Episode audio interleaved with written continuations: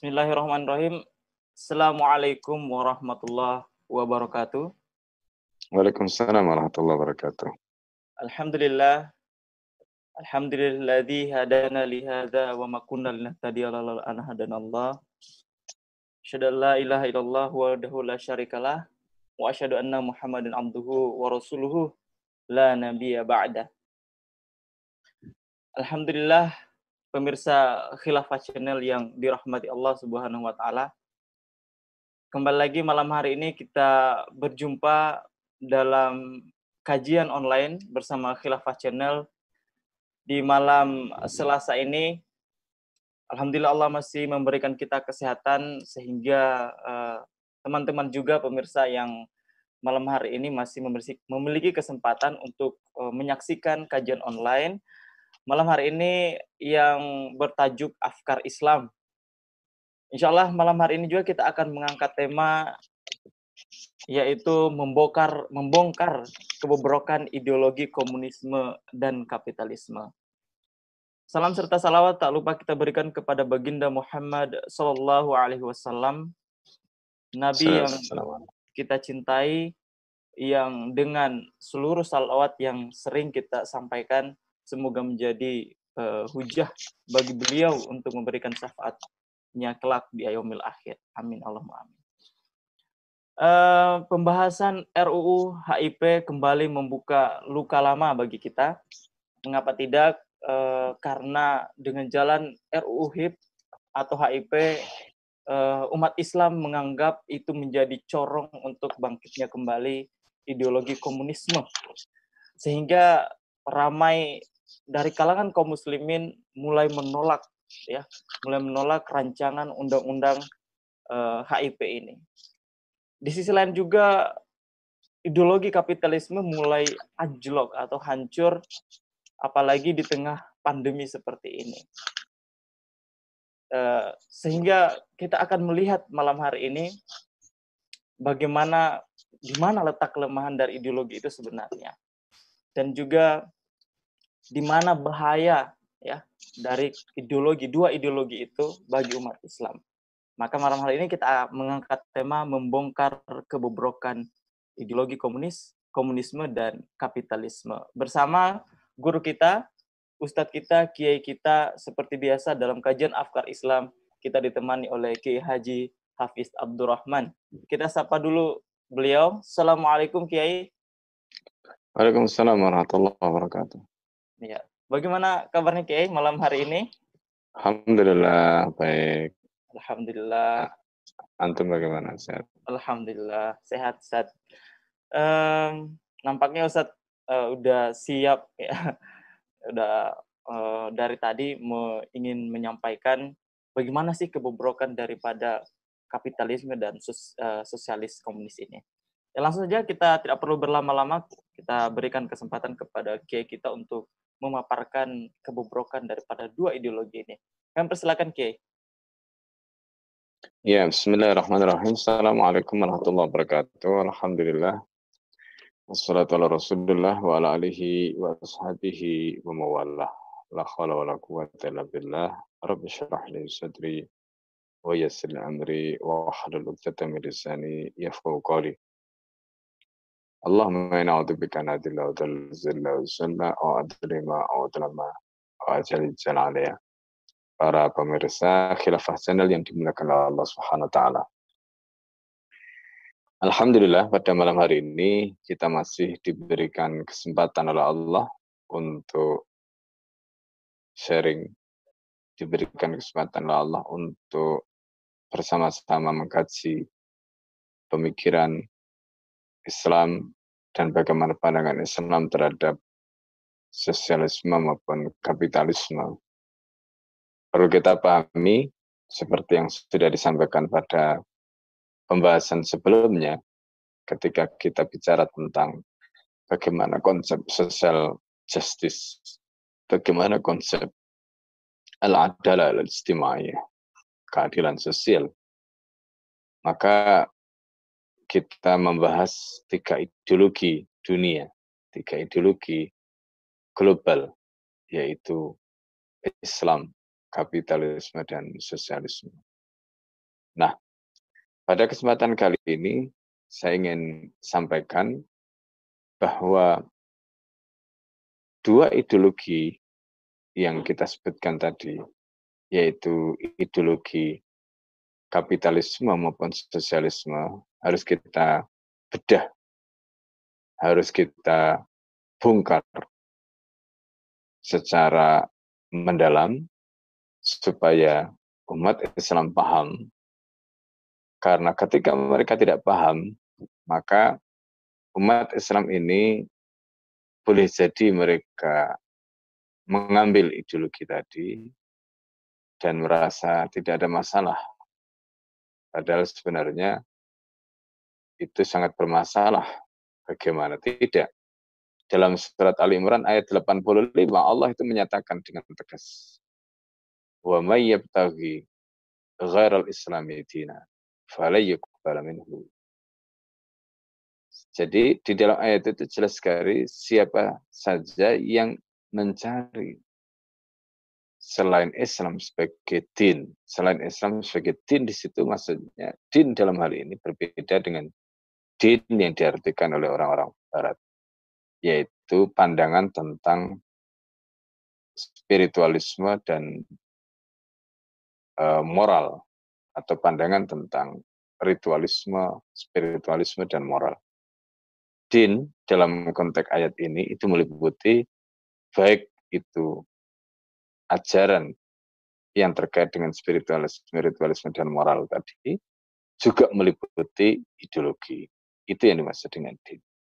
Maka dengan ayat ini, surat Al-Imran 85, dengan jelas siapa saja yang mengambil selain Islam sebagai din, baik itu kapitalisme maupun sosialisme, maka falayyuk minhu. Allah menggunakan kata dengan lan nafi ta'bid yang berarti menafikan untuk selama-lamanya.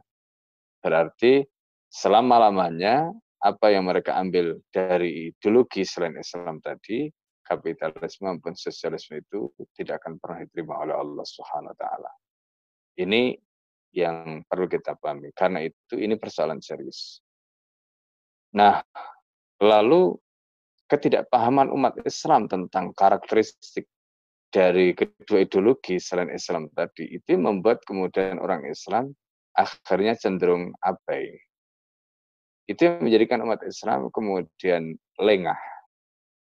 Dan akhirnya mereka tidak sadar bahwa mereka sebenarnya sedang terprosok di dalam jalan kehidupan yang sebenarnya bertentangan dengan agama mereka, bertentangan dengan ideologi mereka. Karena itu mari kita kaji satu persatu. Yang pertama ketika kita bicara tentang ideologi sebagai sebuah akidah. Seperti kita sudah jelaskan sebelumnya, Islam itu adalah akidah, ideologi Begitu juga kapitalisme dan sosialisme, dia mempunyai akidah, mempunyai keyakinan, mempunyai pemikiran yang menyeluruh tentang alam manusia dan kehidupan.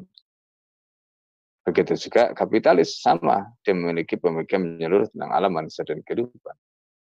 Nah, eh, akidah yang menjadi pondasi bagi ideologi Islam itu adalah akidah Islam dengan rukun imannya yang enam itu. Sedangkan akidah yang menjadi pondasi ideologi sosialisme, komunisme itu adalah materialisme di mana dalam pandangan kaum komunis atau kaum sosialis mereka meyakini bahwa materi itu adalah azali, materi itu adalah merupakan sumber dari kehidupan materi itu, jadi mereka tidak mengakui adanya Tuhan di balik materi. Nah, apa yang terjadi di alam ini itu adalah terbentuk dari materi tadi. Semuanya dari materi. Bagaimana cara proses pembentukan dari materi menjadi materi yang lain? Maka mereka meyakini ada yang disebut dengan dialektika materialisme, yaitu terjadinya benturan antara materi atau tesis dengan antitesis. Nah, ini yang diyakini oleh mereka.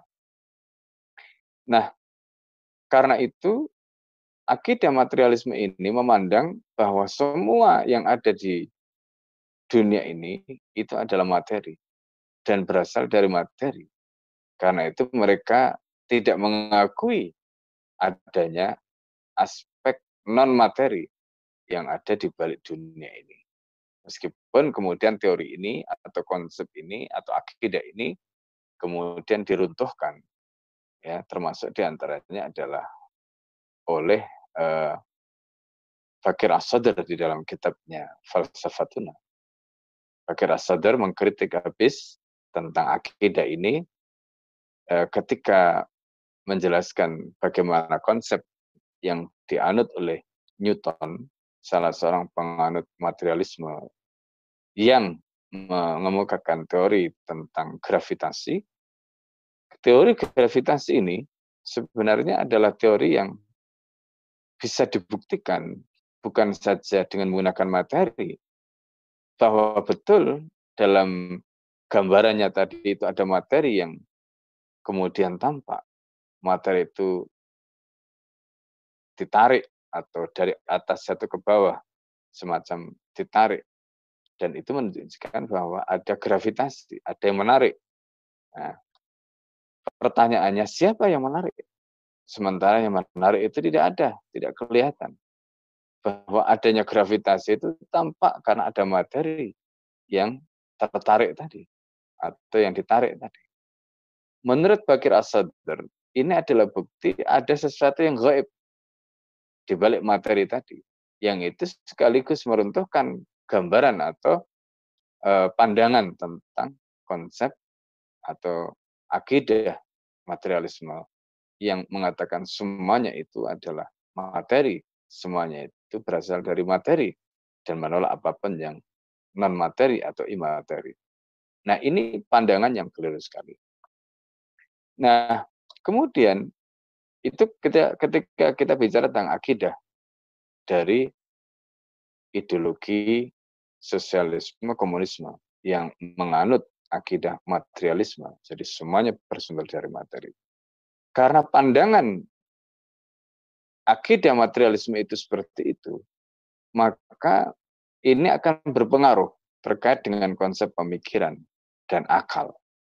Menurut mereka, eh, materi itu atau fakta itu lebih dulu ketimbang akal atau lebih dulu ketimbang ide. Dan ini menjadi perdebatan panjang antara kelompok idealisme dan kelompok realisme atau pragmatisme. Yang satu berangkat dari ide, artinya ide lebih dulu daripada materi, kemudian yang satu berangkat dari materi dulu baru ada ide. Nah, kelompok yang menganut pikiran-pikiran sosialis komunis tadi itu mengatakan bahwa materi itu lebih dulu daripada ide atau daripada akal, daripada pemikiran.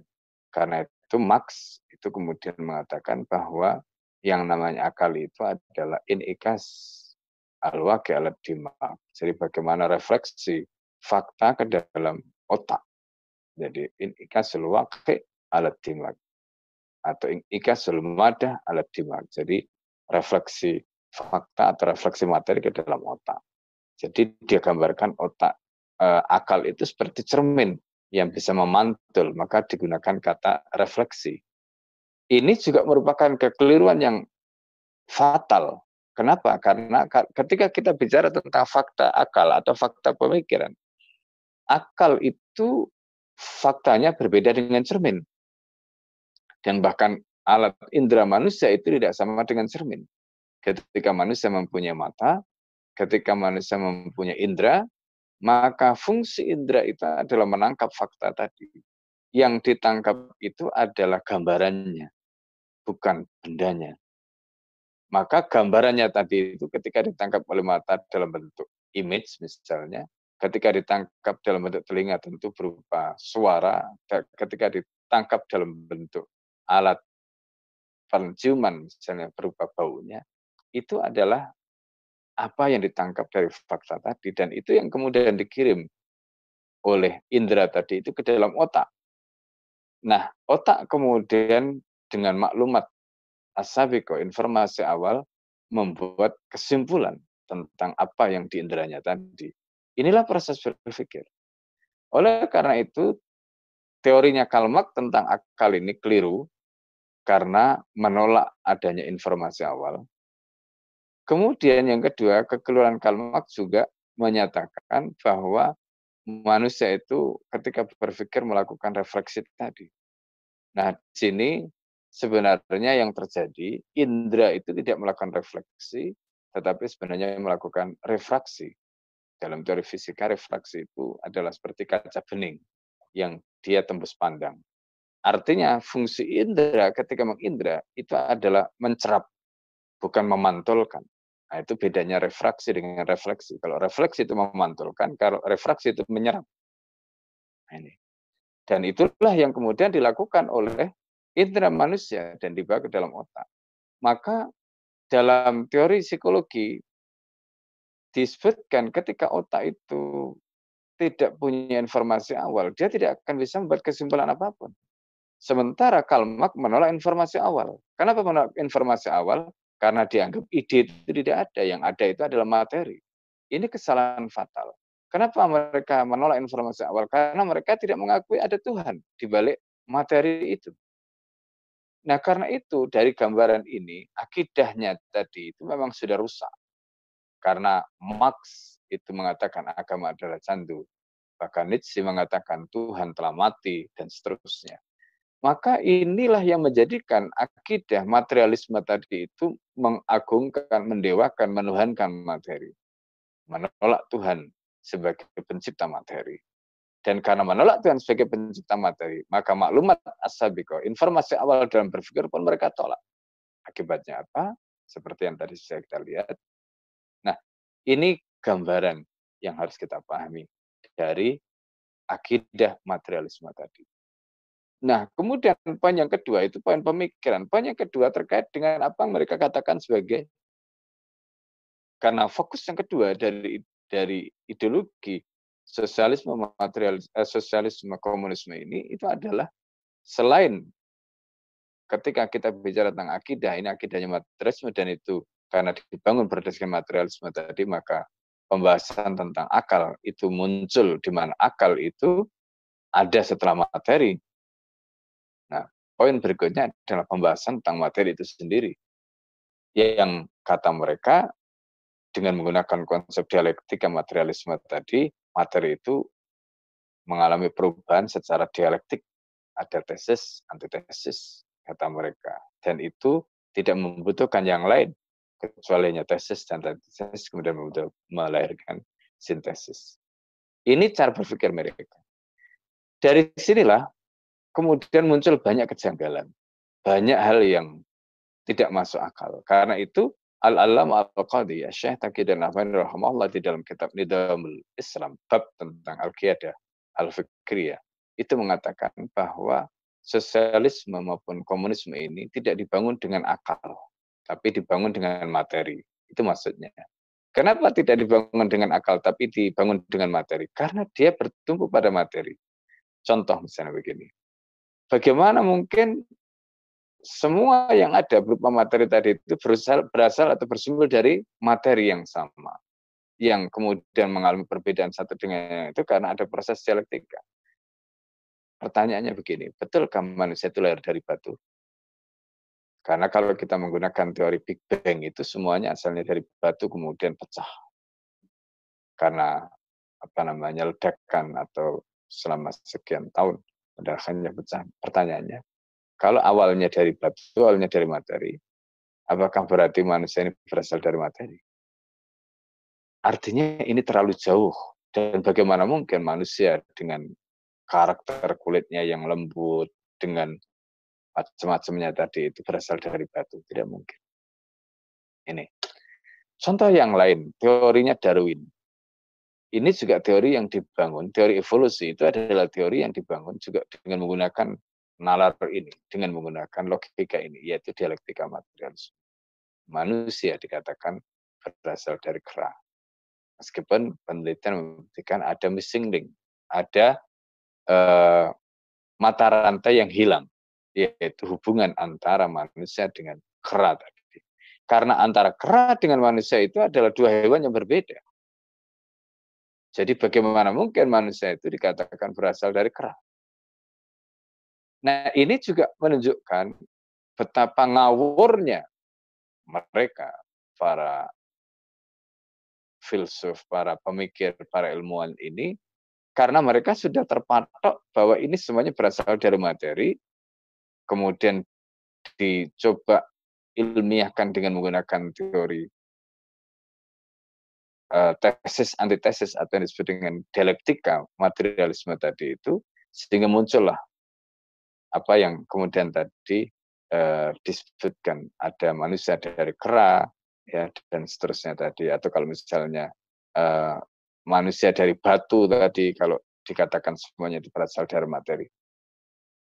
Pendek kata, secara iktikadi, akidah materialisme yang menjadi pondasi lahirnya sosialisme dan komunisme ini jelas-jelas bukan akidah yang dibangun berdasarkan akal, tetapi akidah yang dibangun berdasarkan materi. Nah, itu yang harus dipahami. Nah, kemudian akidah ini itu juga tadi kalau ini menggunakan teori dialektika, betul enggak bahwa ini masuk akal? Jawabannya tidak. Jawabannya tidak memang ada yang tampak masuk akal. Contoh misalnya begini, manusia itu ada laki ada perempuan dari laki perempuan ada tesis antitesis kemudian jadi sintesis punya anak. Masalahnya itu ada dua jenis kelamin yang berbeda. Coba kalau jenis kelaminnya sama bisa nggak punya anak? Jawabannya tidak mungkin. Nah, ini adalah bukti bahwa sesungguhnya gagasan atau konsep tentang dialektika materialisme tadi itu tidak terbukti. Nah, ciri yang paling menonjol di dalam pembahasan uh, sosialisme dan komunisme itu adalah menggunakan hipotesis-hipotesis tadi. Jadi kalau kita pelajari dari apa yang kita bahas tadi itu, itu sebenarnya hipotesis. Dalam bahasa Arabnya kita sebut sebagai al-furud an-nadariyah. Kenapa disebut hipotesis? Karena nggak ada faktanya. Dan ini diklaim sebagai sosialisme ilmiah. Padahal sebenarnya tidak terbukti. Sosialisme ilmiah itu untuk membedakan dengan sosialisme utopis. Ya, utopis itu bahasa Arabnya khoyaliyah. Ya, ishtirakiyah khoyaliyah. Ya, itu dianggap uh, utopis. Nah, yang satunya adalah ishtirakiyah ilmiah, jadi atau uh, sosialisme ilmiah. Nah, ini yang di diperankan atau dibawa atau diusung oleh Karl Marx. Nah, apakah sosialisme yang diusung oleh Karl Marx yang kemudian disebut sebagai sosialisme ilmiah itu betul-betul ilmiah? Jelas tidak. Kalau kita bicara tadi dalam konteks dialektika materialisme sudah terbukti tadi bagaimana gagasan atau keyakinan ini tidak ilmiah, keyakinan ini tidak faktual, keyakinan ini lebih banyak dibumbui dengan tadi imajinasi imajinasi atau furut ya hipotesis hipotesis karena nggak ada faktanya dan ternyata kebiasaan dengan membangun hipotesis seperti ini itu juga digunakan oleh Karl Marx ketika membangun teori yang disebut dengan materialisme historis bagaimana perubahan masyarakat dari kapitalisme menuju sosialisme dan komunisme.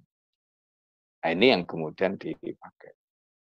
Nah, Perlu dicatat, dalam konteks perubahan sosial yang kemudian disebut dengan materialisme historis itu, di mana dari masyarakat kapitalis menuju sosialis itu ada kelas-kelas yang kemudian antar kelas satu dengan yang lain itu mengalami benturan.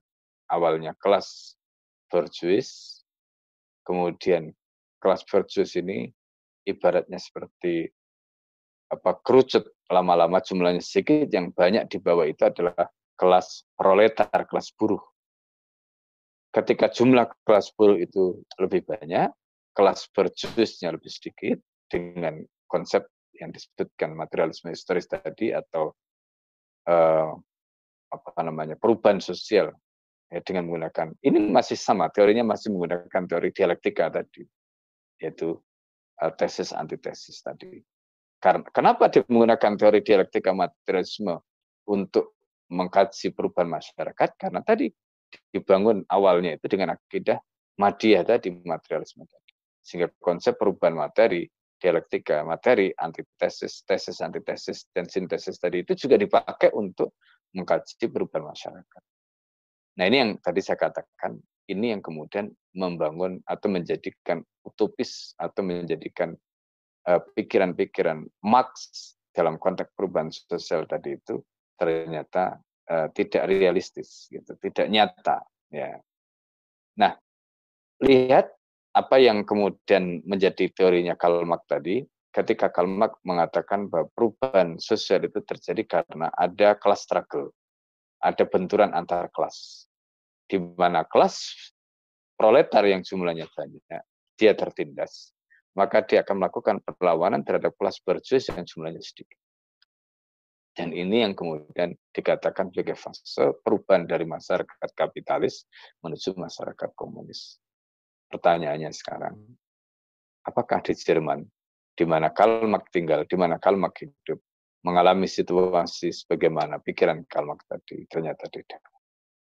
Jerman kapitalis tapi tidak pernah menjadi sosialis. Bahkan ketika Rusia menjadi Uni Soviet dengan revolusi Bolsheviknya, pertanyaannya dan apakah ini juga merupakan bentuk dari apa yang merupakan teorinya Karl Marx dengan class struggle tadi? Ternyata juga tidak. Begitu juga apa yang terjadi di Amerika dengan dikuasai oleh kelompok uh, berjuis yang jumlahnya sedikit, bahkan muncul Wall Street Occupation misalnya. Kelompok satu persen menguasai 99 persen. Pertanyaannya, apakah muncul di zaman itu perlawanan dari kelompok proletar tadi? Di Amerika, orang-orang berjuis atau orang-orang kapitalis ini pintar mengambil hati. Termasuk kemudian ini yang dilakukan oleh kelompok kapitalis bagaimana mempertahankan sistem mereka yaitu dengan apa yang kita sebut dalam pembahasan yang lalu, program-program atau kanalisasi yang disebut dengan social justice, keadilan sosial, atau welfare state negara eh, apa namanya kemakmuran dan sebagainya. Itu semuanya adalah bagian dari manuver-manuver yang dilakukan oleh orang-orang kapitalis untuk merentakan dirinya dengan cara memberikan kebajikan kepada orang-orang proletar tadi atau kelompok kelompok uh, yang termarginalkan tadi itu sehingga kemudian mereka merasa uh, mendapatkan belas kasihan dari negara. Ini yang terjadi. Artinya apa? Konsepnya Karl Marx yang dikatakan sebagai sosialisme ilmiah tadi itu ternyata juga nggak terbukti. Dan itu akhirnya kemudian membuktikan bahwa teori uh, sosialisme Marxisme, uh, komunisme tadi itu sebenarnya adalah teori yang dibangun berdasarkan hipotesis-hipotesis yang hipotesis ternyata tidak terjadi. Nah, perubahan-perubahan yang terjadi dari kapitalisme menuju sosialisme itu hampir bisa dikatakan tidak terjadi karena faktor kelas struggle tadi apa yang terjadi di Cina misalnya ketika partai uh, Kuomintang misalnya uh, kalah itu bukan karena adanya kelas struggle tapi kekalahan itu melalui pemilu misalnya dan setelah kalah melalui pemilu kemudian dilakukan pengusiran dan akhirnya uh, Partai Komunis Cina itu menguasai uh, wilayah Cina negara Republik Cina dan kemudian musuhnya tadi itu disingkirkan dari Cina. Artinya mereka menang bukan melalui kelas struggle, tapi mereka menang dengan melalui pemilu. Nah ini juga membuktikan bahwa teorinya Karl Marx tadi itu tidak terbukti. Nah dari berbagai fakta tadi, selain akidah yang jelas-jelas mengingkari adanya Tuhan, adanya Allah, kemudian mengatakan agama itu adalah candu, maka eh, kita paham mengapa kemudian sikap mereka begitu kejam terhadap agama. Kasus yang terjadi di Cina dengan uh, sikap yang kita lihat bagaimana permusuhan pemerintah Cina terhadap Muslim di Uyghur itu adalah fakta. Bukan hanya terhadap Muslim, kalau kita lihat bagaimana tindakan pemerintah Cina terhadap Dalai Lama misalnya, itu juga bukti bahwa mereka memang anti agama, mereka memang tidak percaya dengan Tuhan, mereka memang tidak mengakui itu. Nah ini adalah fakta yang tidak bisa kita pungkiri. Belum lagi kalau kita lihat fenomena di Indonesia pada saat uh, tahun 48 sampai 65 ketika Partai Komunis Indonesia itu ada yang jelas-jelas mereka uh, menganut ideologi komunis ketika itu. Maka yang terjadi? Sikap mereka yang begitu benci, dendam, dan bahkan permusuhan yang luar biasa terhadap pesantren, terhadap para ulama, terhadap kiai, ya kan. Ini begitu luar biasa. Dan ini bisa dipahami kenapa? Karena mereka menganut ideologi komunisme, sosialisme yang memang tidak mengakui adanya agama, tidak mengakui adanya Tuhan, dan bahkan mereka katakan agama itu bisa menjadi candu yang membuat orang itu seperti hidup dalam ketidaksadaran seperti hidup dalam keadaan fly terus menerus. Nah ini pandangan orang komunis terhadap uh, agama. Dan itulah yang menjadi pengalaman bahkan menjadi tragedi berdarah di negeri ini. 48 dan 65 itu adalah bukti tentang bagaimana kejamnya ideologi ini. Nah, karena itu kalau kemudian kita merunut pada teorinya tadi, maka apa yang terjadi di Cina ketika mereka melakukan eh, katakanlah kudeta secara konstitusional karena mereka memenangkan kontestasi lalu kemudian mereka usir dan kemudian mereka berhasil menerapkan ideologi mereka maka hal yang sama bukan mustahil dilakukan di tempat yang lain. Karena itu teori yang mereka kemukakan dengan menciptakan apa yang disebut dengan tanah kudot atau kontradiksi atau tindakan-tindakan yang anti status quo itu mereka lakukan ketika mereka belum berkuasa. Tapi setelah mereka berkuasa, maka mereka akan menyingkirkan semua lawan politik mereka. Mereka akan bagaimana caranya mereka membabat terutama yang dianggap bisa menjadi ancaman dan itu dia lain yang bisa menyingkirkan mereka itu adalah kekuatan agama Islam dalam hal ini terutama karena Islam adalah merupakan agama yang dianut oleh mayoritas uh, penduduk di negeri ini. Nah ini hal lain yang harus kita pahami dan ini adalah merupakan poin penting. Karena itu ideologi sosialis komunis ini jelas merupakan ideologi kufur akidah yang jelas-jelas ditolak oleh Islam. Nah, kemudian dalam konteks ekonomi, ketika ideologi sosialis komunis itu digunakan untuk mengatur sistem ekonomi, ideologi ini juga gagal. Karena memang ideologi ini merupakan kritik dari kapitalisme.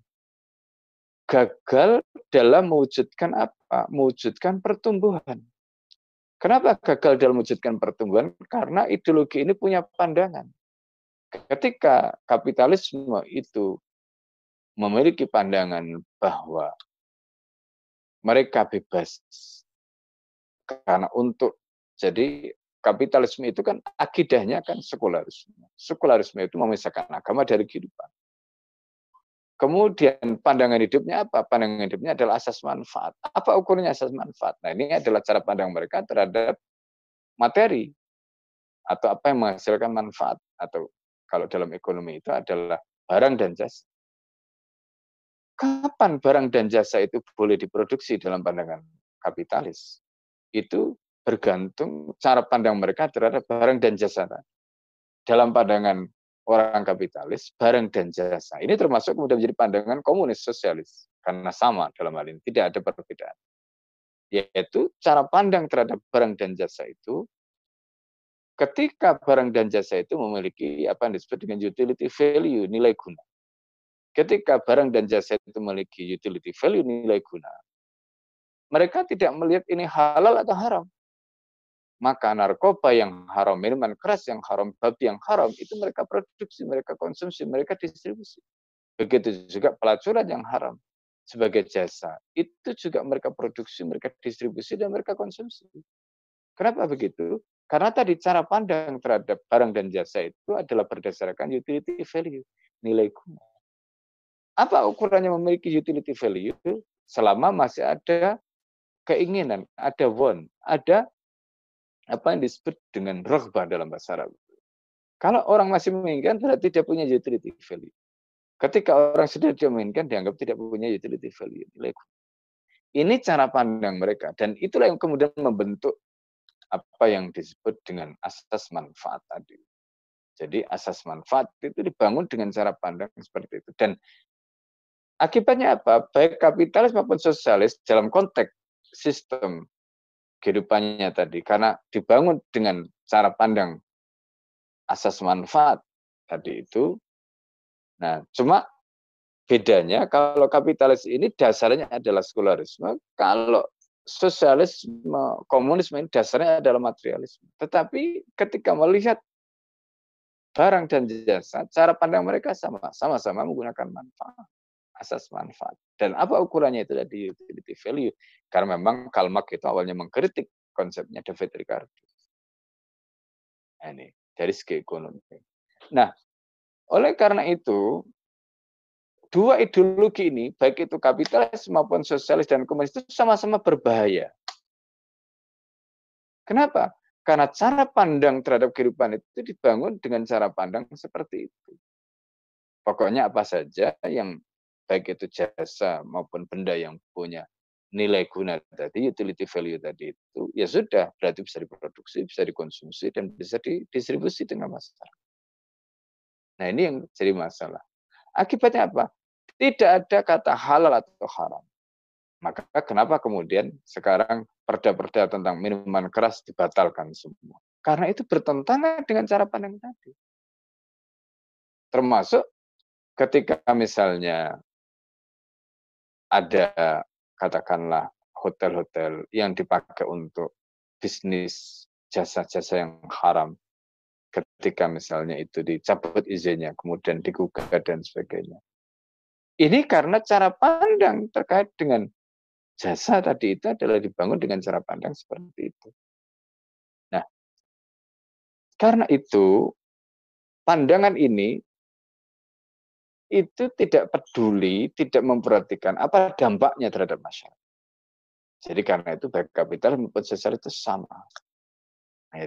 Jadi mereka tidak peduli terhadap konsekuensi dari pandangannya itu terhadap masyarakat. Mau rusak, tidak rusak, nggak peduli mereka.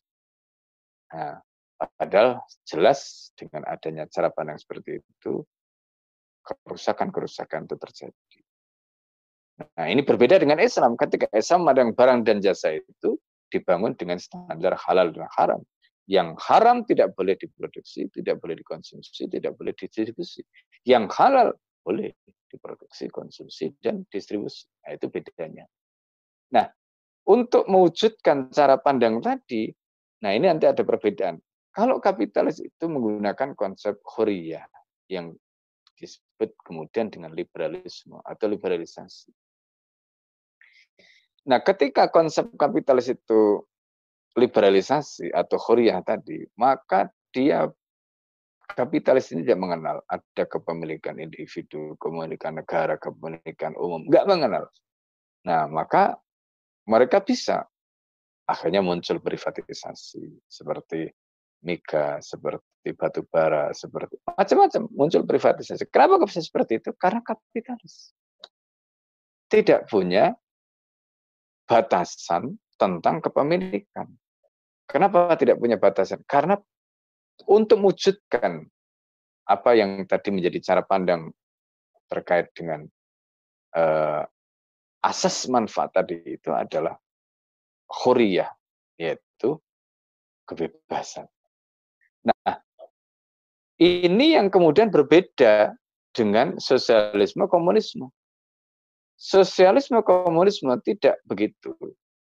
Konsekuensi dari sistem kapitalis yang liberal tadi itu, maka mereka bisa menguasai kekayaan individu, umum, kekayaan negara, bisa mereka kuasai.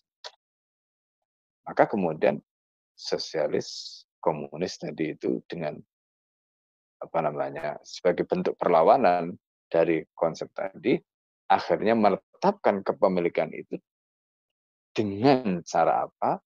Yaitu dengan cara membatasi jumlah. Kalau kapitalis tidak mengenal pembatasan jumlah, maka komunis, sosialis menetapkan kepemilikan kekayaan tadi itu dengan jumlah. Nah, Islam itu punya aturan. Bagaimana caranya? Karena cara pandang Islam tadi itu adalah halal dan haram. Bagaimana untuk mewujudkan halal dan haram? Kuncinya adalah at-taqayyud bil ahkam syar'i, terikat dengan hukum syara karena itu kedaulatan Islam itu di tangan syariat. Nah, ini nanti bedanya kedaulatannya di tangan syariat, karena itu cara pandangnya itu adalah halal dan haram, dan kemudian metodenya adalah terikat dengan hukum syariat. Karena itu Islam membolehkan orang untuk memiliki barang dan jasa asalkan halal. Yang kedua, caranya juga cara yang dibenarkan. Maka di dalam Islam tidak ada larangan untuk orang untuk kaya, berapapun kekayaannya. Yang penting mekanismenya benar yaitu dengan cara yang dibenarkan oleh syariat. Ini berbeda dengan komunis, ini berbeda dengan kapitalis. Komunis melarang karena dibatasi dengan jumlah. Kapitalis membolehkan tanpa ada batasan. Karena itu dalam kapitalis itu yang berlaku adalah hukum rimba. Siapa yang kuat, dia yang akan berkuasa. Nah ini yang jelas-jelas berbeda antara Islam di satu sisi sosialis komunis dan di sisi lain adalah kapitalis. Kemudian ketika kita bicara dalam konteks tadi kita bicara dalam konteks bagaimana kapitalisme mewujudkan asas manfaat yang dibangun dengan cara pandang terhadap barang dan jasa tadi itu? Ada utilities value ya punya utilities value karena ada uang ada keinginan tadi itu. Kuncinya adalah khuriyah liberalisme liberalisasi. Kenapa liberalisasi? Karena agama tidak mengatur kehidupan karena sekuler tadi. Nah, ini sedangkan sosialis komunis itu karena dia tidak percaya dengan agama maka sosialis dan komunis tadi itu melakukan pembatasan dengan jumlah nah di sini kemudian nanti ada perbedaan antara fungsi negara dalam sistem komunis dengan sistem kapitalis. Komunis, fungsi negara itu betul-betul dominan karena semua itu diatur oleh negara. Negara itu ya berbeda dengan kapitalis. Kalau kapitalis fungsi negara itu seperti wasit. Kalau nggak ada masalah jalan terus, kalau ada masalah baru dia turun tangan. Nah, tapi kalau komunis sosialis semua dimiliki oleh negara. Karena itu, orang-orang yang produktif dalam sistem komunis sosialis tadi itu, dia tidak akan bisa produktif. Kenapa? Karena produktivitasnya dibatasi dengan kuantitas. Akibatnya apa? Pertumbuhan ekonomi dalam sistem sosialis komunis itu mandek. Dan itu yang terjadi kemudian. Sebaliknya pertumbuhan ekonomi dalam sistem kapitalis itu mengalami pertumbuhan. Maka kemudian muncul teori dan efek itu. Tapi kenyataannya setelah tumbuh dia tidak bisa dibagi ke bawah. Sementara yang satu gagal mewujudkan pertumbuhan karena dibatasi dengan jumlah. Jadi orang jadi malas. Nah ini yang berbeda dengan Islam. Islam itu dua-duanya bisa selesai. Pertumbuhannya tinggi pada saat yang sama. Distribusinya juga merata, lancar. Kenapa? Karena Islam itu punya falsafah yang dibangun dengan akidahnya tadi yaitu masul madabi roh. Semua aktivitas materi tadi itu punya hubungan dengan roh, yaitu kesadaran bahwa kita punya hubungan dengan Allah, kesadaran bahwa kita dilatih Allah, kesadaran bahwa kita harus terikat dengan hukum Allah. Dan inti dari masul madabi roh itu adalah keterikatan pada hukum syara, karena keterikatan pada hukum syara itu adalah berarti kita menjalankan hukumnya Allah. Dan itu adalah bentuk manifestasi dari menyatukan materi dengan roh. Dan itu yang menyebabkan kenapa sistem Islam itu satu-satunya sistem yang adil, kemudian hukumnya juga begitu, hukum menjadi panglima, hukum tidak berpihak kepada siapa pun, Berbeda dengan kapitalisme maupun sosialis, karena itu tidak ada prestasi yang bisa dicapai mengalahkan prestasi yang dihasilkan oleh peradaban Islam. Pendek kata, baik itu kapitalis maupun sosialis. Dua-duanya ini adalah ideologi kufur, bertentangan dengan Islam, dan terbukti gagal. Dan Islam adalah satu-satunya ideologi selain dua ideologi tadi itu yang terbukti berhasil mewujudkan keadilan di muka bumi ini, berhasil mewujudkan pertumbuhan, berhasil mewujudkan pemerataan, dan berhasil menjamin apa menjadi kebutuhan umat manusia dengan moralitas yang luar biasa, dengan akhlak, dengan adab yang luar biasa. Itulah Islam. Dan tidak ada yang lebih hebat bisa menanggi kehebatan Islam. Al-Islamu ya'lu wala yu'la alaih. Islam itu tinggi dan tidak ada yang bisa mengalahkan ketinggian Islam. Wala tahinu wala tahzanu kata Allah, kamu jangan merasa hina, kamu jangan merasa sedih, wa antum wal a'launa. Sementara kamu adalah umat yang superior, umat yang tinggi. Eh, in kuntum mu'minin, selama kamu beriman. Masalahnya kenapa umat Islam ada yang inferior karena mereka tidak beriman dengan Islam. Saya kira itu poin penting yang bisa kita kasih pada malam hari ini menjelaskan tentang bagaimana kapitalisme, sosialisme, dan Islam sebagai satu perbandingan. Dan bagaimana Islam mampu mengatasi kedua ideologi itu, persoalannya sekarang adalah tinggal waktu yang akan membuktikan. Dan Islam ketika diterapkan di muka bumi ini, maka yang muncul adalah cahaya. Dan itulah insya Allah yang akan terjadi dengan izin dan pertolongan Allah dalam waktu yang dekat. Dan Allah wa Assalamualaikum warahmatullahi wabarakatuh. Waalaikumsalam warahmatullahi wabarakatuh.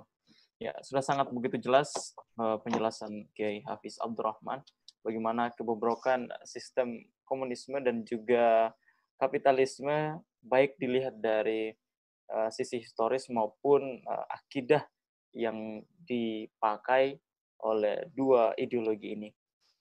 Uh, selanjutnya bagi seluruh pemirsa kami sampai kami sampaikan lagi untuk yang memiliki pertanyaan silakan tuliskan di kolom live chat uh, YouTube sehingga kami bisa membacakan pertanyaan Anda dan insya Allah kita bisa menjawab pertanyaan-pertanyaan yang masuk dan nanti kami akan seleksi juga pertanyaan yang mana yang bisa kami uh, bacakan seperti itu. Um, Ya, sambil menunggu Kiai, kita uh, saya juga ingin mengajukan pertanyaan tentang uh, tema kita malam hari ini, yaitu tentang uh, apa membongkar kebobrokan sistem uh, sosialis komunis dan juga ideologi uh, kapitalisme demokrasi. Uh, saat ini Kiai telah terjadi mungkin ya ini pandangan saya ini apakah benar telah terjadi pertarungan antara dua ideologi yang besar uh, di tengah-tengah itu ada Islam gitu ya, ada ideologi kapitalisme maupun demokrasi uh, kapitalisme begitu. Nah, kalau kita lihat misalnya antara Cina dan Amerika benarkah mereka itu sedang bertarung ideologi ataukah memang uh, China ini sedang beralih ke ideologi kapitalis timur seperti itu Kiai? Ya, apa ataukah mungkin Cina masih kekeh konsisten dengan kebangkitan ideologi komunisme. Seperti apa menurut uh, Kiai dengan analisis ini? Kiai? Yang harus kita pahami bahwa Cina itu sudah berubah meskipun secara ideologi dia masih menganut ideologi komunis sistem pemerintahnya juga sistem pemerintahan komunis. Ini yang kita bisa lihat. Tetapi seperti yang tadi sudah disampaikan, sosialis komunis itu gagal secara ekonomi. Ketika dia mengkritik kapitalis, sebagaimana yang dilakukan oleh Karl Marx terhadap David Ricardo, sebenarnya apa yang ditawarkan oleh sosialisme ilmiah tadi itu justru gagal diwujudkan. Karena terbukti dengan pendekatan yang sudah mereka lakukan, yaitu e, membatasi jumlah kepemilikan itu akhirnya menghancurkan produktivitas. Ketika produktivitas itu hancur, maka pertumbuhan ekonomi itu bisa dikatakan mandek. Ketika pertumbuhan ekonominya mandek, pertanyaannya bagaimana caranya bisa dilakukan pemerataan. Dan inilah yang menjadikan kemudian akhirnya negara-negara menganut komunis. Dulu ketika Jerman Timur dengan Jerman Barat masih dipisah oleh tembok Berlin, itu perbedaannya sangat kontras. Karena Jerman Barat itu kapitalis, Jerman Timur ketika itu adalah menganut sosialis. Begitu juga seperti kita lihat hari ini, Korea Utara dengan Korea Selatan. Korea Selatan itu kapitalis, Korea Utara menganut sosialis, komunis. Jadi pendek kata di negara-negara sosialis komunis itu pertumbuhan ekonominya stuck. Pertumbuhan ekonominya stuck. Padahal mereka satu bangsa, tapi itulah yang terjadi. Ya. Nah, karena itu akhirnya kemudian Cina belajar dari Uni Soviet. Uni Soviet itu menghadapi situasi seperti itu. Nah, apalagi ketika pasca Perang Dunia Kedua tahun 1945 ketika sekutu menang dan menangnya sekutu itu berarti sosialis itu juga menang sebagaimana kapitalis juga menang karena ketika itu uh, Uni Soviet yang menganut sosialis itu masuk di dalam sekutu. Nah, ketika mereka dipenang, maka sosialis komunis yang anti penjajahan itu menyebarkan ide atau opini melawan penjajahan tadi. Nah, negara-negara kapitalis barat ketika itu, terutama yang dipimpin oleh Amerika, Inggris, dan Prancis, ini berusaha untuk mengubah wajah penjajahan tadi itu. Dari penjajahan fisik kepada penjajahan yang non-fisik. Nah, termasuk di antaranya apa yang kemudian dikritik. Ya, sebagai bentuk individualisme dan sebagainya tadi itu kemudian coba untuk ditambal maka muncullah konsep keadilan sosial maka muncullah konsep uh, welfare state dan sebagainya tadi itu itu untuk merespon agar uh, mereka itu tidak lari kepada komunis yang sesungguhnya mereka tidak lari kepada sosialis yang sesungguhnya maka seperti yang kita sudah bahas sebelumnya di Mesir itu diciptakan sedo sosialis yang kemudian disebut dengan state socialism itu ya dengan tokohnya Gamal Abdel Nasir. Ini yang harus kita pahami. Jadi pendek kata sosialis gagal untuk wujudkan pertumbuhan. Nah, Uni Soviet akhirnya untuk merespon kegagalan tadi itu, dia mencoba untuk melakukan adaptasi, tapi kebablas dengan glasnost dan perestroika itu. Gagal dan akhirnya bubar Ya. Nah, sementara Cina, Cina ini sebenarnya dia tahu itu. Maka kemudian diambil pada saat reformasi Deng Xiaoping itu diambil kapitalis dalam konteks ekonomi sehingga pertumbuhan Cina itu luar biasa bisa di atas 11 persen, 11 persen. Pada saat yang sama sistem demokrasi dia tidak pakai ketika ada kerusuhan Tiananmen itu, itu adalah bagian dari bagaimana Cina mempertahankan sistem pemerintahan totaliter seperti yang kita lihat dan dia menolak sistem demokrasi yang di apa namanya tawarkan oleh Amerika ketika itu didorong-dorong supaya dia juga mengambil karena kalau dia mengambil itu berarti nanti akan mengalami seperti Uni Soviet. Jadi pendek kata Cina ini ideologinya komunis, tetap tapi ekonominya dia menerapkan sistem kapitalis karena itu adalah bagian dari tambal sulam. Ya, bagian dari tambal sulam tadi sebagaimana kaum kapitalis mengambil welfare state dan social justice tadi atau state socialism tadi itu adalah bagian dari tambal sulam. Itu. Nah, sekarang kemudian pertanyaannya dengan konteks yang terakhir ini bagaimana dengan pertarungan atau pertempuran yang menghangat antara Amerika dengan Cina ini? apakah ini benar-benar merupakan peperangan yang sesungguhnya ataukah ini hanya permainan saja. Jadi kita tahu meskipun mereka itu sama-sama negara kafir, sama-sama mengenai ideologi kufur, sama-sama katakanlah misalnya begitu katakanlah satu sosial satu uh, apa kapitalis lah misalnya gitu. Atau bahkan dua-duanya secara ekonomi juga sama-sama kapitalis. Jangan dianggap bahwa mereka tidak bisa bersaing.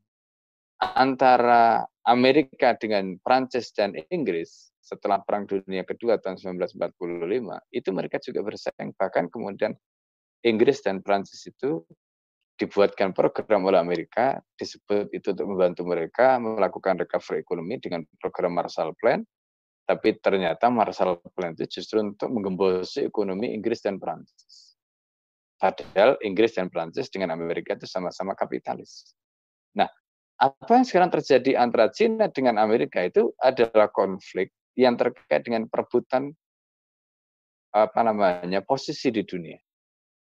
Posisi di dunia. Jadi Amerika kita tahu setelah runtuhnya Uni Soviet, dia menjadi pemimpin tunggal dunia. Perancis dan Inggris berusaha untuk menyaingi mereka, tapi gagal. Kemudian eh, Uni Eropa juga begitu diwujudkan oleh eh, negara-negara Eropa, tapi gagal. Bahkan kemudian Amerika berhasil menghancurkan ya, dengan adanya kasus Brexit keluarnya Inggris dari Uni Eropa dan beberapa kasus yang lain. Jadi Cina ini sebenarnya sekarang sedang bertarung dengan Amerika bukan dalam konteks ideologi sebenarnya, tapi lebih pada memperebutkan posisi sebagai negara nomor satu. Itu yang itu yang sebenarnya terjadi antara Amerika dengan uh, antara Amerika dengan Cina hari ini. Nah karena itu apa yang sekarang sedang memanas di Laut Cina Selatan itu adalah bagian dari perebutan. Nah, tinggal siapa yang akan menang. Bagi Amerika, seperti yang saya pernah sampaikan, tidak ada pilihan. Karena pandemi corona ini membuat Amerika mengalami situasi yang sangat sulit. Maka Amerika dalam situasi seperti ini tidak ada pilihan lain kecuali perang. Sebagaimana tahun 1930. Kalau dia ingin, kalau tidak perang, dia pasti kalah. Kalau dia perang, dia masih ada kemungkinan menang. Tinggal hitung-hitungannya. Apakah persiapan dia lebih baik daripada Cina misalnya. Nah, ini masalah lain. Ya.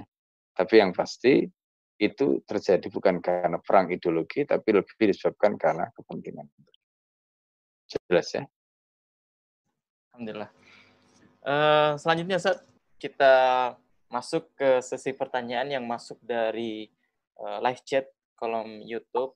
Um, ini dari uh, Mas Bani. Pertanyaannya, bagaimana caranya kita melakukan perang berpikir dengan sesama umat Islam yang justru lebih sulit uh, lebih sulit memahami tentang bobroknya kapitalisme dan komunisme atau sosialis komunis. Kenapa umat Islam itu susah? Karena seperti yang disampaikan oleh Al-Alama Al-Qadi Syekh Taqidan Abhani Rahimahullah di dalam kitabnya Nidamul iktisadi ya an-nidam al-iktisadi fil Islam itu di dalam bab mukaddimah itu ada kalimat yang menarik yang boleh katakan begini bahwa uh, umat Islam hari ini mengalami kekosongan intelektual. Jadi otaknya itu dibilang isinya Islam itu juga tidak ada. Dibilang isinya kapitalis juga tidak ada. Dibilang isinya komunis juga tidak ada. Jadi jadi sebenarnya mengalami kekosongan intelektual. Kalau ada isinya kapitalis itu ya sedikit, isinya sosialis dia sedikit, isinya Islam juga sedikit, jadi campur aduk nggak karu-karuan. Akibatnya apa? Pemahaman mereka terhadap kapitalis juga tidak clear, pemahaman mereka terhadap sosialis juga tidak clear, pemahaman mereka terhadap Islam juga tidak clear. Jadi ketika mereka dijelaskan tentang kapitalis itu dengan penjelasan seperti tadi, itu mereka nggak nyambung. Kenapa? Karena mereka tidak bisa menjangkau literasi itu yang mereka tangkap tentang kapitalis itu berbeda. Nah, itu kan kenapa? Karena ada kekosongan tadi. Ketika dijelaskan tentang komunis juga sama. Nah, ini yang terjadi. Begitu juga ketika dijelaskan tentang Islam. Jadi ini jadi susah. Dipahamkan kapitalis juga enggak nyambung. Enggak sampai pada level yang seharusnya sebagaimana orang Islam dipahamkan tentang sosialis komunis juga begitu. Enggak sampai pada level yang sebagaimana seharusnya dia sebagai seorang Islam bersikap. Dijelaskan tentang Islam juga sama. Makanya jadi enggak karu-karuan sikapnya itu. Ya kalau orang Jawa bilang itu malang kada gitu. Mentah semua gitu. Nah, itu yang jadi masalah. Nah, jadi ini yang terjadi. Ya, ini yang terjadi. Nah, karena itu, karena itu, di sinilah pentingnya kita itu membangun sakofah yang kokoh di dalam akliyah setiap umat Islam tadi. Jadi ketika pertama Islam ini menjadi fondasi, maka Islam ini harus dijelaskan secara utuh sebagai satu sistem. Kemudian eh, di luar Islam juga begitu dijelaskan secara utuh. Sehingga mereka paham. Ketika bicara Islam paham, bicara kapitalisme paham, bicara sosiologi paham. Dan dia bisa bersikap sebagaimana mestinya. Itu yang harus kita paham. Tidak kemudian seperti kita lihat hari ini. Ada orang Islam membela PKI misalnya gitu. Tapi dia anti syariah. Nah, ini kan aneh. Nah, itu tadi karena setengah-setengah tadi, mentah semua tadi. Islam nggak paham, PKI nggak paham, sosialis kemarin nggak paham, kapitalis nggak paham. Nah ini kan terjadi, ya. Itu jawabannya. Ya, baik Ustaz. Uh, Alhamdulillah telah terjawab tadi pertanyaan bagaimana menghadapi pola pikir uh, kaum, kaum muslim saat ini teruntuk di Indonesia yang mungkin uh, kurang memahami bagaimana kapitalisme itu sendiri dan juga sosialis komunis itu sendiri. Uh, selanjutnya saat ini bagian dari pertanyaan terakhir karena waktu kita yang mungkin sudah masuk uh, sesi terakhir uh, berasal dari Zulwah Uh, berapa lama estimasi waktu ideologi kapitalisme tetap memimpin Ustadz? Ini kalau bisa diestimasikan kira-kira berapa lama Ustadz? Sekaligus ya. closing ya. statement Ustadz. Jawabannya ada dalam Al-Quran. Walikulli umatin ajal. Sa'atan Setiap umat itu sudah ditetapkan ajalnya oleh Allah. Apabila ajalnya sudah tiba, maka tidak bisa diajukan dan tidak bisa ditangguhkan. Mereka tidak bisa minta ditangguhkan. Tidak bisa juga minta diajukan. Sayangnya tidak ada yang tahu ajal itu kecuali Allah. Ya. Nah, oleh karena itu kita itu hanya bisa memprediksi dan prediksi ya namanya prediksi. Dulu eh, Al-Alamah Al-Qadhi Asyataki dan Afani Rahimahullah ya ketika menulis kitab uh, Naktul Istiroki Al-Marx ya jadi kritik uh, terhadap sosialisme marxisme termasuk juga kitab Asia Sakti Sosial Musra jadi bagaimana uh, politik uh, kebijakan politik ekonomi yang jadi kebijakan ekonomi atau politik ekonomi yang uh, Agung. Ketika menulis buku itu tahun 60-an itu beliau sudah memprediksi bahwa uh, komunis akan runtuh.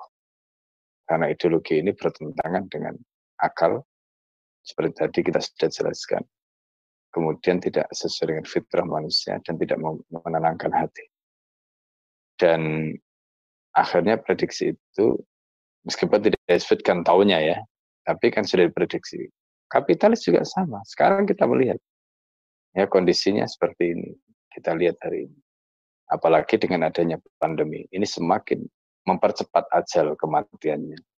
Nah, tentang kapan, apakah tahun ini atau tahun depan atau tahun kapan, wallahu a'lam, kita tidak tahu. Yang pasti kita bisa mengatakan bahwa Allah sendiri dalam Al-Quran itu sudah mengatakan begitu walikuli umatin ajal. Jadi setiap umat itu sudah ada ajal. Beda ajal, jalum asatan. Dan kemudian Allah menyatakan dalam nas yang lain, watil kal ayyamu mudaruha. Jadi hari-hari itu kami pergilirkan di antara umat manusia. Satu catatan penting yang saya ingin sampaikan. Ya. Uni Eropa itu baru dideklar tahun 91 setelah Uni Soviet runtuh. Padahal persiapan Uni Eropa itu sudah dilakukan sejak tahun 70-an. Artinya butuh waktu berapa lama? Panjang. Ya. Dan mereka tidak bisa muncul karena selalu dihalangi oleh Amerika. Selalu dihalangi oleh Uni Soviet ketika itu sampai kemudian akhirnya uh, Uni Soviet teruntuh, terjadi kevakuman, dia muncul.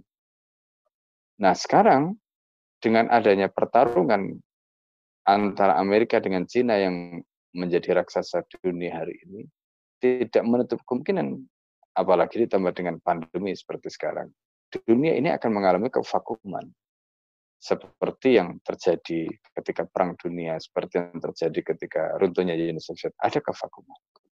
Pertanyaannya kemudian, apakah pada saat kevakuman itu kekuatan umat Islam akan tampil menjadi kekuatan pengganti ataukah tidak? Itu kembali pada umat Islam. Tapi peluang itu ada. Pertama karena umat Islam memiliki ideologi yang luar biasa, memiliki sistem kehidupan yang luar biasa, dan memiliki SDM-SDM yang luar biasa.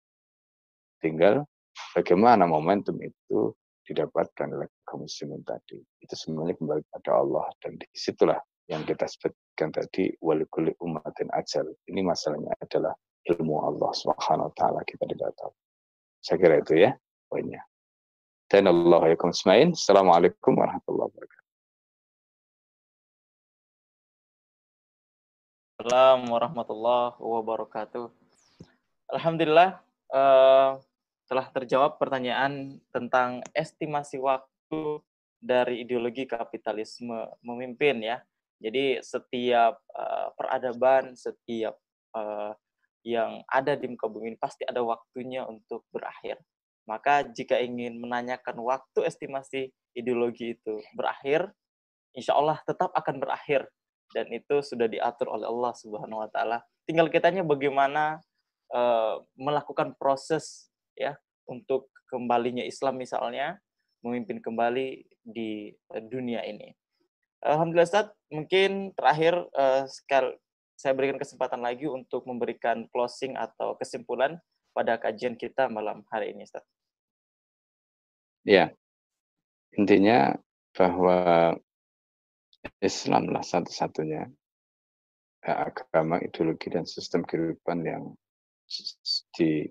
dibangun dengan wahyu sesuai dengan uh, fitrah manusia, memuaskan hati, kemudian akal manusia, dan teruji selama 14 abad Islam itu terbukti mampu mewujudkan keadilan yang tidak bisa dicapai oleh peradaban apa pun di muka bumi ini.